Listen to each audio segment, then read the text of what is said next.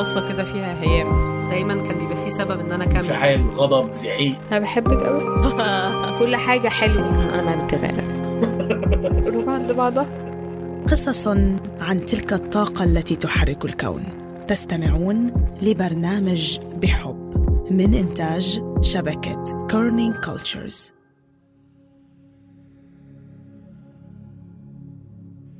الانتظار هو أكثر الحالات اللي ممكن يعيش فيها الإنسان. مشاعر مركبة ومختلطة. يمكن يعني هاي تعتبر نتيجة طبيعية لحالة الترقب. يعني مستقبل مش كتير واضحة معالمه. عدم القدرة إن نطلع من دوامة التوقعات. بس الأصعب لما تكون بتحاول تتكيف مع بيئة وواقع جديد. بس هذا الواقع مؤقت. وهون تحديدا هي المشاعر المركبة اللي عم بحكي عنها. انت لا قادر ترتبط وتتعلق لأنه كل هذا الإشي هو إشي مؤقت. بس كمان عشان تتكيف وتتأقلم بدك تلاقي لحالك ولمشاعرك مكان ومحل يعني محل يريحك. اليوم رح نحكي عن لما نعيش في مدن بس مش هي تعيش فينا. انتظار محفوف بخوف وقلق ومصحوب بمواقف غير عادلة بتقدروا تقولوا وواقع موجع. بس وسط كل هاد ممكن يكون كمان في هذا الانتظار حب ما حب وبشاير حلوة. اليوم لينا تاخدنا في رحلة انتظار مؤقتة بس طويلة. بترككم مع لينا شنك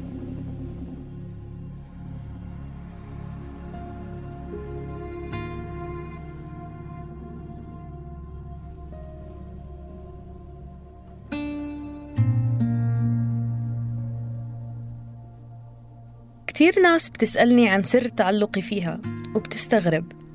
يعني مدينة مملة وعمارات مكدسة فوق بعضها. على إيش بتحبيها بالضبط مش عارفين. هيك بدون سبب. أحيانا بحاول أفسر. يمكن لأني بحس بالألفة تجاه الناس والأماكن وكل شي ربيت فيه وحواليه. أو لأنه أكتر شي بضحكني هو الكوميديا السوداء اللي مستحيل تفهمها إلا لو عشت فيها. أو ببساطة لأنه الحميمية اللي كل إنسان بدور عليها. أنا شخصيا لقيتها بعمان. مش متأكدة. مدينة الملل أو الغابة الإسمنتية أو مدينة الحجر والسلام. كلها أوصاف أطلقت على هالمدينة على مدار السنين. في ظل كل الحروب اللي شهدتها شعوب المنطقة أصبحت عمان أيضا أشبه بالمدينة ترانزيت. جزء مهم من سكانها جاءوا هربا من الحرب وأملا في الوصول لوجهة ثالثة عن طريق عمان. صارت مثل صالة انتظار كبيرة محطة مؤقتة لحد ما يرن التليفون ويقول لك المتصل جهز حالك طلع لك توطين في بلد ثالث. لكن أثناء الانتظار تتشكل تجربة حلوة ومرة ومشاعر مش بالضرورة نعرف نصنفها. فأنا بعرف عمان كلها كلها يعني عندها فيها سبع جبال مثلا جبل عمان جبل النظيف جبل الجوف كلها وبعرفها كلها وكل جبل بكون عندي فيه صديق صديقين ثلاثة بروح عندهم بيجوا عندي. بعرف الشوارع كلها. مثلا قال لي يا أخي في الشارع شارع مكة بكون صراحة أنا اليوم يعني ما فيش ما فيش أنا حاليا ما بحس إنه في أفضل لي من إنه أتوطن. بس اليوم أنا المسافر حبكي والله. بهالحلقة رح نرافق أمير وهو اسم مستعار لمواطن سوداني في مشواره الطويل من دارفور لمحطة الترانزيت بعمان واللي وصلها برفقة صديقه من السودان في عام 2013 وطولت إقامته فيها أكثر مما يجب. رح نحاول نفهم مع بعض معنى أنه يعيش الإنسان في حالة انتظار. انتظار شيء غير محدد. مش ليوم ويومين بل لسنين طويلة ما حد عارف إلها نهاية. مجرد ما خلصت الجامعة يعني حصلت لي يعني اعتقلت كم مرة في الجامعة. بعدين عمتي قالت لي يا أخي أنت أحسن تطلع من الأردن. تطلع من السودان. تطلع من السودان. ليه؟ قالت لي يا أخي أنت لو قعدت حيقتلوك وهي بتسمع إنه في كم طالب قتلوه كم طالب إنه صف وعمل لي تصفية. قالت لي أحسن تطلع. قلت لها يا أخي أنا ليه كم سنة ما شفت أهلي بدي أشوف. قالت لي ما في مجال أنت لو رجعت المعسكر ممكن تموت في الشارع ما تصل. قالت لي اخ سافر. كيف أسافر؟ قالت لي اخ أنا برتب لك امورك وتمشي مصر في في منظمات بقدم هناك بقدم هجره ممكن إنه تطلع من مصر ده تسافر. أحسن لك. عمتي هي اللي طلبت مني قالت لي انت لو قعدت هنا حيقتلوك. أول محاولة سفر لأمير كانت في النصف الأول من عام 2013 لمصر. لكن محاولته فشلت بعد ما اتهمته السلطات السودانية بأنه مسافر يشتكي من سوء المعاملة في بلده الأم ومنعته من السفر. اضطر بساعتها يوقع على تعهد أنه ما يترك السودان واستسلم لمصيره. لكن عمته ما استسلمت. حاولت مرة تانية. ساعدته يحصل على فيزا علاجية بتسمح له بدخول الأردن ووعدته ما حد يعترض طريقه. بدأ بالفعل يرسم آماله. قالوا له كلها ست شهور. بالكتير ست شهور بتقعدها في الأردن وبعد هيك بتطير على بلد ثالث. بتبني فيها مستقبل آمن وبتتزوج وبتجمع فلوس وبتبني بيت لعمتك بترد لها الجميل مثل ما بتحلم. هي ست شهور بس. ركب الطيارة برفقة صديقه ووصلت الطيارة على مطار عمان. لكنه لحد هاللحظة ما كان متأكد إنه بالفعل رح يدخل عمان وبقي قلبه مقبوض لحد ما وصل نقطة الجوازات. قال لي طيب ماشي. فأنا رحت counter وهو راح كاونتر تاني. فجيت أعطيته الجواز تبعي. قال لي وين رايح؟ قلت ماشي عمان. حتنزل وين؟ قلت في عمان. وين؟ قلت له والله وسط البلد بس ما بعرف وين. حكيت له قال لي طيب آه، وين تتعالج؟ قلت له والله بس عندي قريب هناك مقيم. هاي جاتني من وين؟ أنا مش عارف. قلت له عندي قريب مقيم وهو اللي حيقابل ناس من برا هنا حوديه المستشفى عين لي كده. طوالي قام لي دخ- دق لي دخول. قال لي تفضل. دي اللحظة الوحيدة اللي أنا كنت فيها مبسوط وفرحان وال- والوتر والتعب كله راح مني.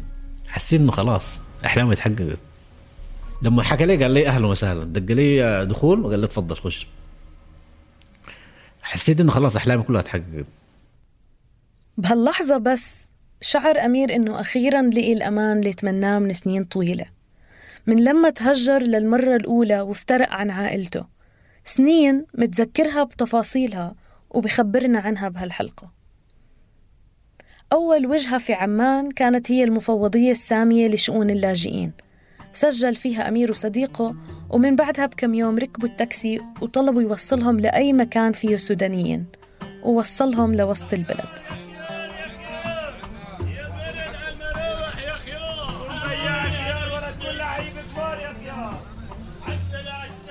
قال لي أنتوا جداد في البلد؟ قلنا لا أي جداد. قال لي طيب تعالوا. ودونا القهوة لقينا قهوة ما شاء الله مليان أكثر من 20 و30 واحد. احترنا الواحد حس كأنه قاعد في السودان. كيف أخباركم الأمور؟ المهم سلمنا عليه قال لنا يا أخي طيب أنتوا وين قاعدين؟ قلنا والله إحنا في الفندق. كيف نازلين في الفندق؟ قلت له والله نازلين.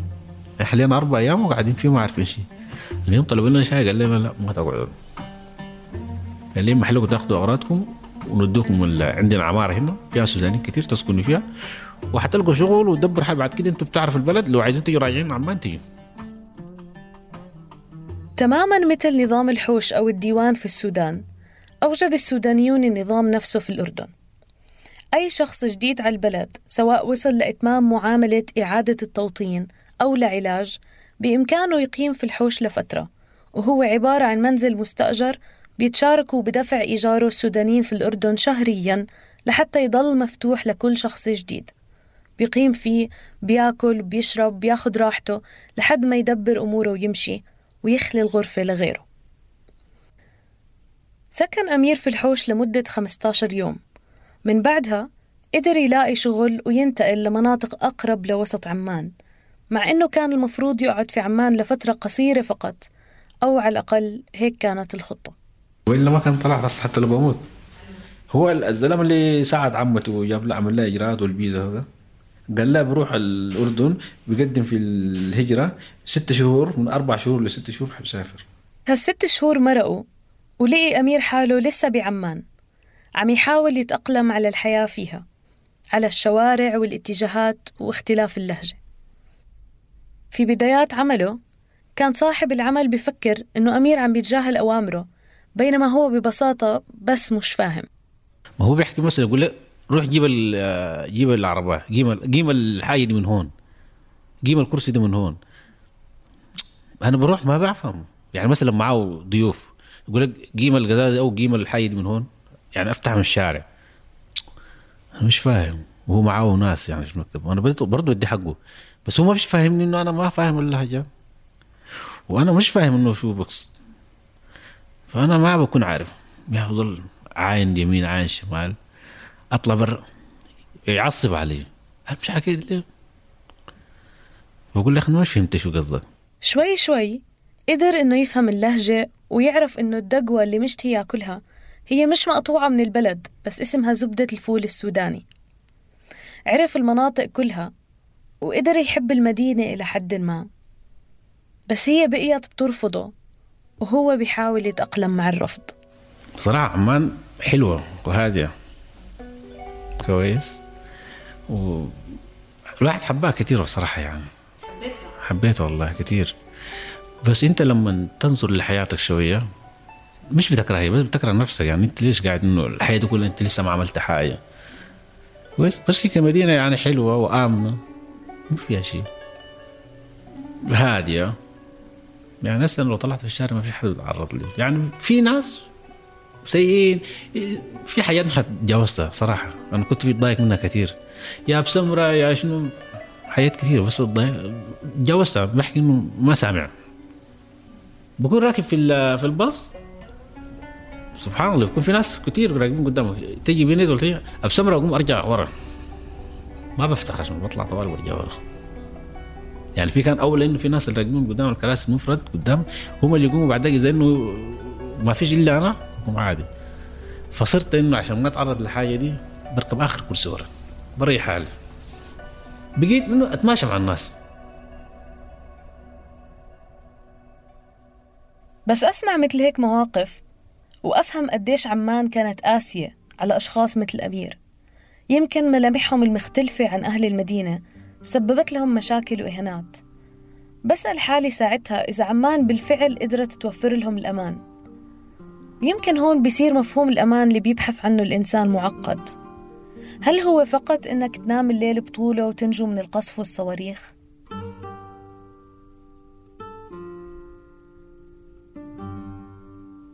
على مدار السنين الماضية التقيت بعدد كبير من اللاجئين من مختلف الجنسيات في سياق أعمال صحفية وبحثية وكانت تجاربهم متشابهة ومتباينة بنفس الوقت. لكن كم مرة سمعت إنه عمان قدرت تحمي أشخاص من الحرب لكن ما حمتهم من عنصرية وتحرش خلى حياتهم فيها أشبه بالجحيم. وحتى لو كانت جحيم كتار منهم ما بيملكوا ترف لا الهروب منه ولا حتى البقاء فيه. طيب وبعدين؟ قديش بيقدر يصمد أمير أو غيره في محطة الترانزيت؟ رحلتك القادمة مجهولة مجهولة الوجهة والتاريخ. لا أنت قادر ترجع على بلدك ولا قادر تنتظر أكثر في عاصمة من أغلى العواصم العربية خصوصا أنه العمل بطريقة قانونية حتى هذا اليوم صعب جدا. بالنسبة لكثير من السودانيين المتواجدين في الأردن من الصعب جدا إصدار تصريح عمل قانوني. لذلك عدد كبير منهم بيضطر إنه يغامر ويشتغل بدون تصريح. وهيك بصير عين على الشغل وعين على الشارع خوفا من مفتشين من الجهات الحكومية. في هاي الحالة بيكون أمام الشخص في الغالب خيارين التوقيف والخروج بعد أيام وتوقيع تعهد بعدم العودة للعمل وهذا في أحسن الأحوال أو الهروب من مكان العمل وتعريض النفس للخطر. وفي حالة أمير اللي اشتغل غالبا بنظام المياومة في قطاع الإنشاءات. توقف في المركز الأمني مرة قبل أن يخلى سبيله وفي المرة الثانية اختلف الوضع. بعديها بعديها خلاص أنا بقيت عيان صبت على رجلي وقعت في الشغل.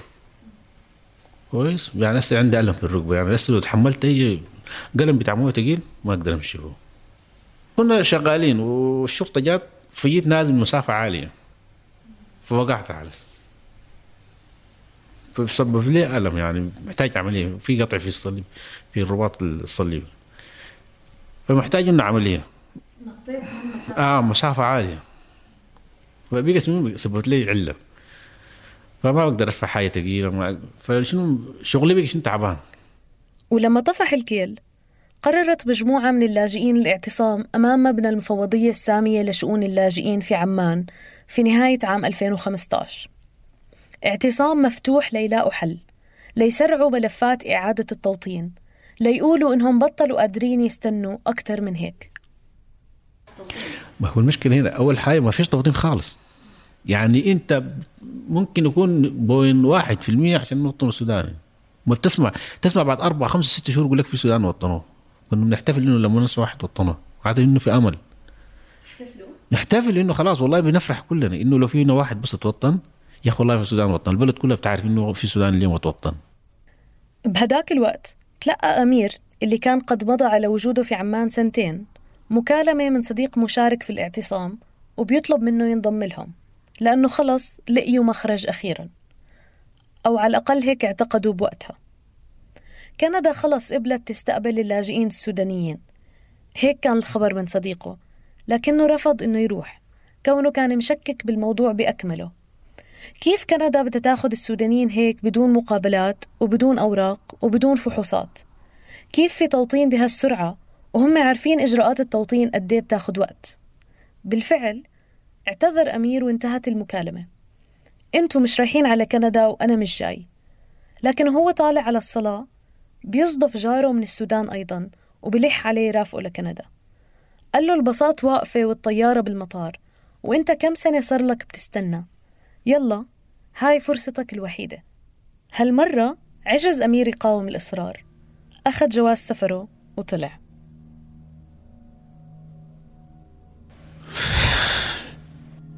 أنا في الباص خلاص ومعنا الشرطة وكمية من الشرطة ولا الجيش ما فيش مجال أصلا. والله العظيم بتذكر أول بس فتحت جوجل كده الحكومة الأردنية تجلي الاف السودانيين إلى السودان إلى بلدهم. معي صاحبي قلت له اسمع الموضوع خربان مرة واحدة. كيف؟ قلت له والله السودان. قال لي كيف السودان هذا؟ كندي هذا قلت له والله السودان. المهم قلت له أقرأ.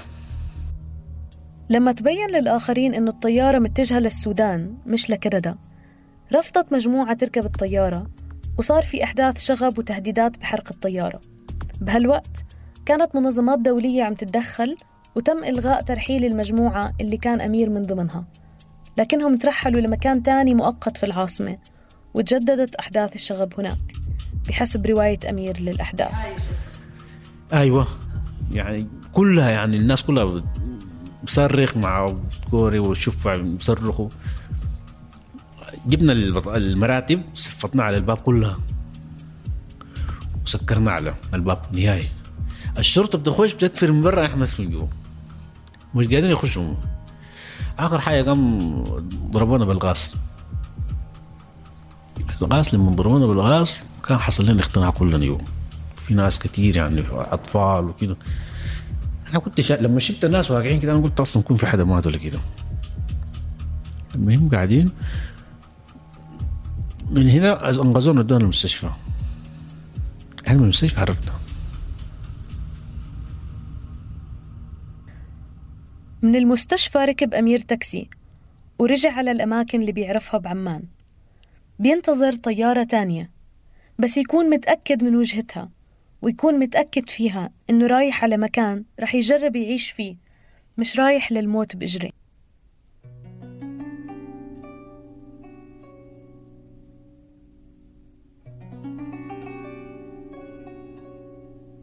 بلدي بلد الخير والطيبة.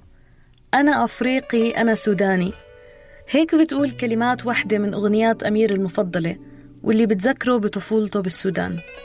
بيعترف إنه يمكن ما كان يسمعها كتير وهو في بلده بين أهله وناسه.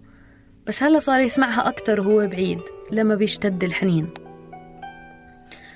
قبل ما يحمل أمير صفة لاجئ كان بيعرف نفسه على إنه مواطن سوداني عايش حياة عادية بإقليم دارفور وسط أسرة بتعمل في الزراعة والرعي كان بيساعد عائلته في تربية المواشي.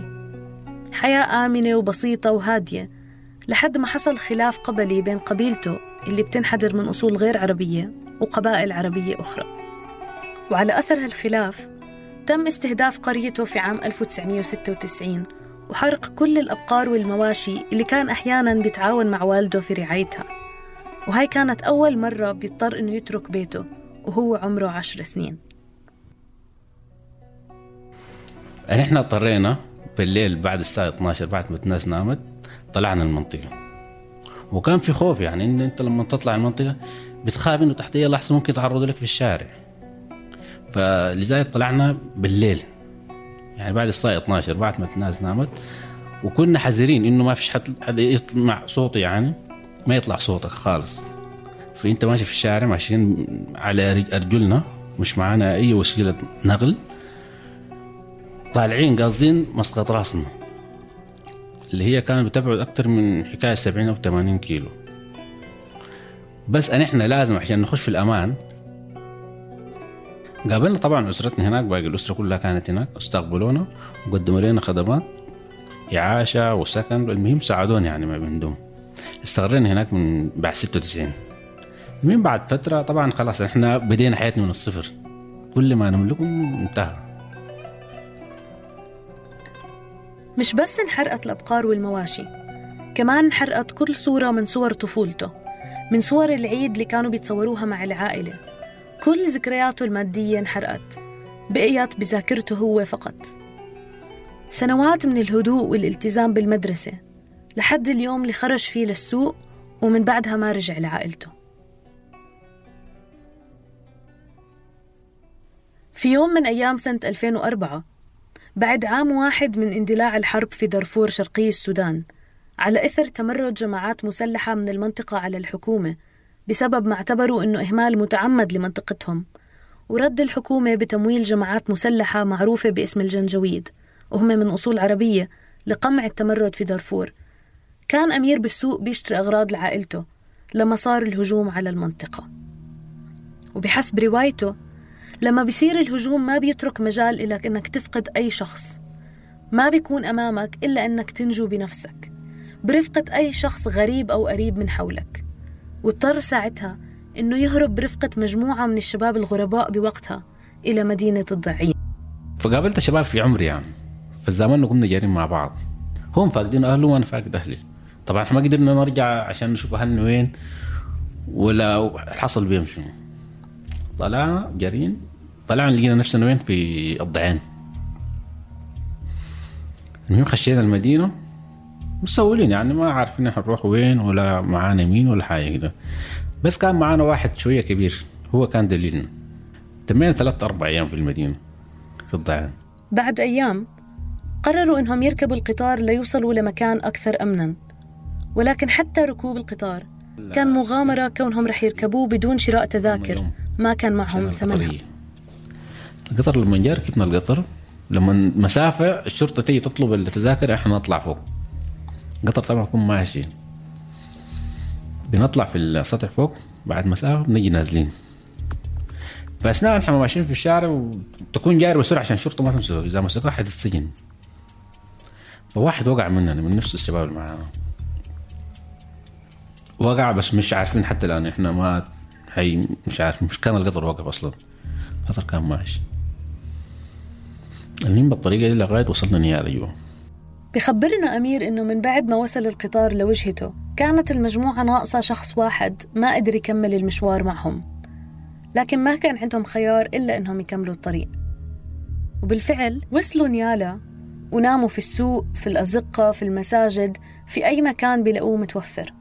وأكلوا من بقايا أكل المطاعم. لحد ما التقوا بشخص نصحهم يلجأوا للمعسكر. على أمل يلاقوا أهاليهم هناك.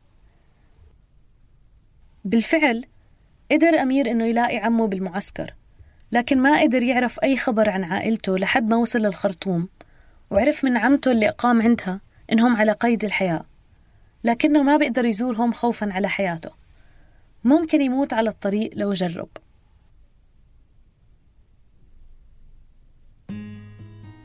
بعد كل هالظروف الصعبة اللي عاشها أكمل دراسته والتحق بالجامعة لدراسة دبلوم هندسة التعدين وكان طالب متميز بنشاطه الاجتماعي فيها حتى أنه حصل على أعلى الأصوات في انتخابات جمعية هندسة التعدين وأصبح رئيسها. بس من حوالي 17 سنة يعني من وقت ما صار الهجوم على السوق اللي كان فيه أمير في سنة 2004 لحد اليوم ما رجع أمير لعائلته ولا حتى لزيارة قبل ما يسافر في سنة 2013 لما التقيت بأمير للمرة الأولى في سنة 2019 كان ساكن ببيت متواضع جدا برفقة صديقه. فيه رطوبة ومشاكله كتيرة. وكان متزوج جديد وبيحاول يجمع مصاري يقدر يدفع منها تكاليف سفر زوجته اللي تزوجها عن بعد للأردن.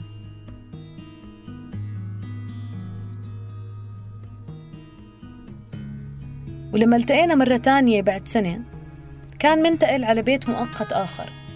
وخبرني إنه بالفعل اشتغل بأشغال يومية وجرب يجمع مبلغ لإحضار زوجته لكن كونه ما بيقدر يفتح حساب في البنك ولا بيأمن يترك المصاري في بيوت معرضة للسرقة بشكل كبير. أقنعه صديقه أنه يخبي المصاري عند صديق سوداني. ثقة على حد تعبيره. بعد فترة سمع أمير إنه الزلمة سافر. هيك بهالبساطة سافر وأخذ معه تحويشة أمير وما في أي خبر عنه. بيقول أمير إنه شرح لزوجته وضعه بالتفصيل خبرها إنه هي لازم توصل للأردن وتسجل بالمفوضية وإذا ربنا سهل رح يسافروا مع بعض لكن ما بيملك إلا إنه يسأل نفسه في بعض الأحيان مين المذنب في اللي صار؟ هل هي أذنبت لأنها وافقت؟ ولا هو أذنب عشان حاول؟ بس حاليا الوضع أنا ما بقول لك إنه يا أخي خلاص انت حتيجي عمان والأردن وحتسافر وحتلقى إنه بلد جنة وكذا فيها معاناة برضه يعني إحنا شغالين رزق اليوم. يوم نشتغل يوم ما نشتغل. بس أنا إذا بتقدر تتحمل تقدر خلاص أنا ما عندي مشكلة. أنت اللي بتعمل أنا ما عندي مشكلة. بس حاليا وقف في طريقي إنه أنا ما قادر أجيبها. وما قادر أرجع. وهي مش عندها ذنب عشان أنا أطلقها. مش عملت مش غلطت معايا.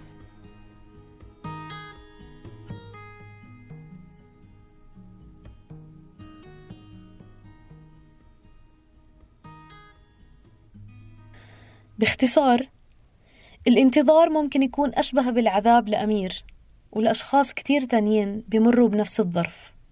أكبر معاركهم هي معركتهم اليومية مع الزمن. استنى هي كلمة بسيطة ممكن يقولها الموظف المسؤول واللي من وجهة نظره يمكن ما في بإيده إشي تاني يقوله لكن تأثيرها قاسي جدا على الطرف اللي المفروض يستنى. كأنك بتقول لشخص إما استنفذ أو قرب يستنفذ كل طاقته لا لسه بدك تحارب أكتر. فقاعدين على مصير مظلم ومجهول. الفضية يقول لك ملفك رن عليه ب 2017 قال لي أنت ملفك مؤهل للتوطين. وان شاء الله السنة دور حرن عليك قريب. من اللحظة دي كل ما رن عليهم يقول لي أنت ملفك في التوطين. يعني أنت ب... واحد بيقرا خمس سنه وعشان تيجي انه أنا قاعد لي خمس سنة تقول ملف بدرس جامعة. الواحد بيتخرج من الجامعة خمس سنة. كويس؟ أنا ملف لي 8 سنة. متخرج من التوطين من 2013 متخرج يعني اللي بيدرس جامعة كان تخرج الزمن ده. كان عمل دكتوراه عديل بيطلع أمير حواليه بالبيوت المؤقتة واللي أثاثها كمان بيصلح لفترة مؤقتة. وجزء كبير منه بينتقل من بيت لاجئ توطن أو رجع على بلده لبيت لاجئ آخر لسه عم يستنى دوره. وبيقول إنه مثل هالبيوت ولو إنها الأقرب لقدرته المادية لكنها ما بتصلح للحياة لو بالفعل وصلت زوجته لعمان. غرفة وصالة ودورة مياه والمطبخ بالصالة. بيتساءل كيف ممكن يستقبل أي ضيف لو زوجته مثلا حابة إنها تطبخ وتكون مرتاحة في بيتها. مثل هالبيوت ضيقة جدا لحياة مستقرة وبالكاد تتحملها لفترة مؤقتة. لما انتقل أمير وصديقه على بيتهم الحالي اضطروا إنهم يتركوا فرنهم وجرة الغاز والغسالة لصاحب البيت السابق كونهم ما قدروا يسددوا كامل المبلغ المستحق له وما تركهم يرحلوا إلا لما يتركوا إشي بيعادل قيمة الإيجار المتأخر. ضلوا فترة مش قادرين يطبخوا بالبيت. بياكلوا سندويشات وأكل جاهز من السوق لحد ما قرر شخص بيعرفوه إنه يترك البلد. فجاء واحد سو... جارنا سوري قام مسافر سوريا. قال أنا يا أخي والله بدي أسافر وعندي أغراض بدي أبيعها. عنده الفرن وجرة غاز ب 40 دينار. مش كان معنا مصاري بس قلنا يا أخي أحسن نشتريها لأنه سعرها كان مغري بالنسبة لنا. فمشينا استدلنا بجانب دفعنا لين دفعنا ل 40 دينار اخذنا البوتاجاز الفرن والجره الجره في السوق ب 30 أو 35 دينار. والفرن ب 80 دينار. فكان سعره حلو. اشتريناه وكان عرض لنا كراسي اللي برا. مش كان معانا يعني مصاري. قلنا له والله ما معانا مش عايزين مصاري ما عندنا مصاري. لما قام مسافر أعطانا لهم هدية. والثلاجة اشتريناها من واحد مسافر. مسافر لأمريكا أخذنا منه 15 دينار. بس كانت تعبانة. تعطلت صلحناها ب ب 40 دينار. هسه تاني قبل رمضان بستة يوم وتعطلت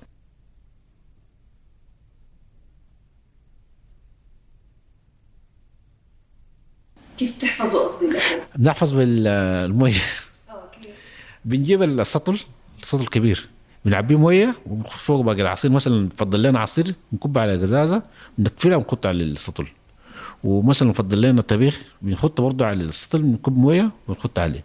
بيحفظ لنا لبكرة. بس لو قعد لليوم الثالث بيبوظ قبل يومين حكيت مع واحد مسافر في شهر خمسة تقريبا رن علي قال لي يا أخي جهز حالك حتسافر مسافر أمريكا. فحكيت معاه قلت له يا أخي عندك ثلاجة؟ بدي قال لي عندي ثلاجة بس جديدة بدي فيها 120 والله ما بدي فأنا بدي واحدة تكون أقل شوية. صحيح إنه الأمل ضعيف. والمستقبل المجهول وعدم اليقين خلقوا عند أمير حالة نفسية صعبة. لكن ما في حل تاني. ما في غير إنه يستنى أي مكالمة من المفوضيه يخبروه فيها إنه أخيرا في دولة صارت جاهزة تستقبله. بس حتى لو صار ما بينكر إنه رح يكون عنده مشاعر مختلطة.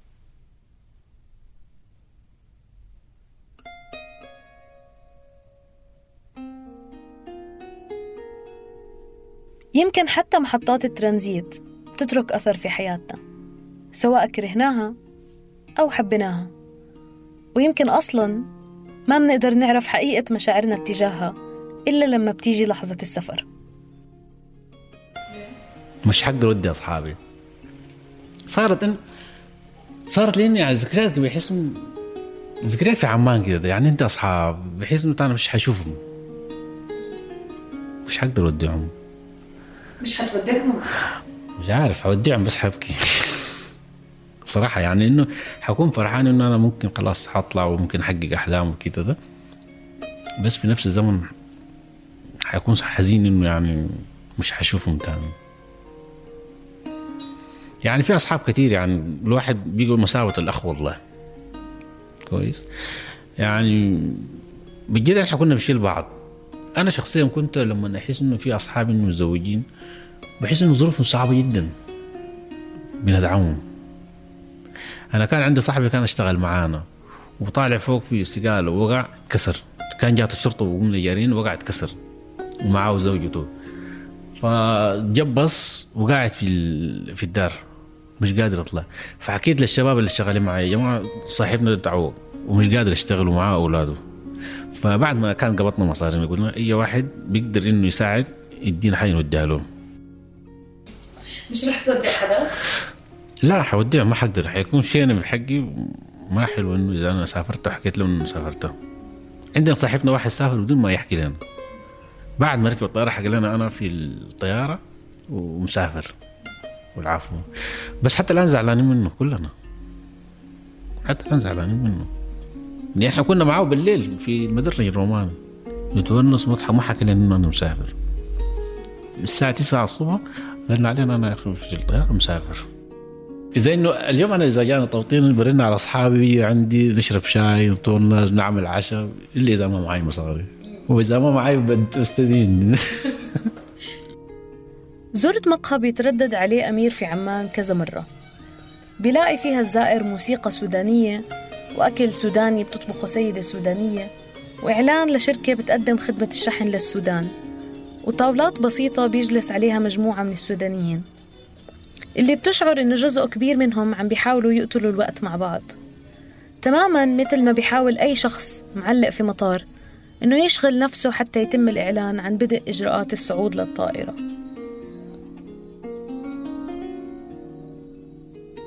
ولما بركب أنا بالطيارة وبيكون جنبي راكب ما بعرفه. نازل بعمان ترانزيت قصير هالمرة وطالع منها على وجهته الأخيرة. لما تطير الطيارة ونبلش نشوف أضواء عمان من السماء وأسمع تنهيد منه ويحكي إيه على عمان شو عشت فيها.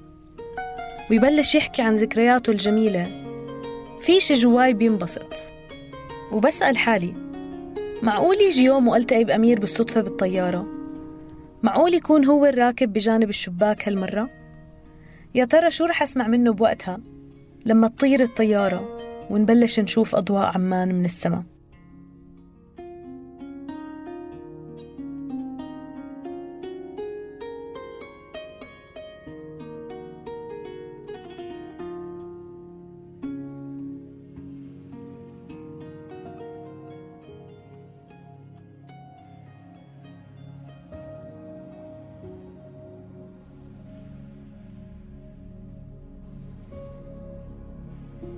هاي الحلقة من إعداد لينا شنك بدعم تحريري من رند خضير ومديرة التحرير هبة عفيفي والفريق العربي. التصميم الصوتي لبول ألوف وسارة قدوري. بنحب نذكركم إنه دايما بتقدروا تتابعونا على الانستغرام وعلى تويتر واللي فيهم ننشر قصص وصور تتعلق بالحلقة. وآخر طلب للمستمعين دايما إذا حبيتوا الحلقة ما تنسوا تشاركوها مع أصحابكم ومع أحبابكم وما تنسوا كمان تشاركونا تقييمكم وتتركوا لنا رأيكم لأنه التقييم والرأي بيساعد كتير وبيسهل إنه الناس تلاقينا على منصات بودكاست أكتر. ما تنسوا تشتركوا بالقناة وتضلكم تابعينا بلاقيكم الأسبوع الجاي في حلقة جديدة من بحب.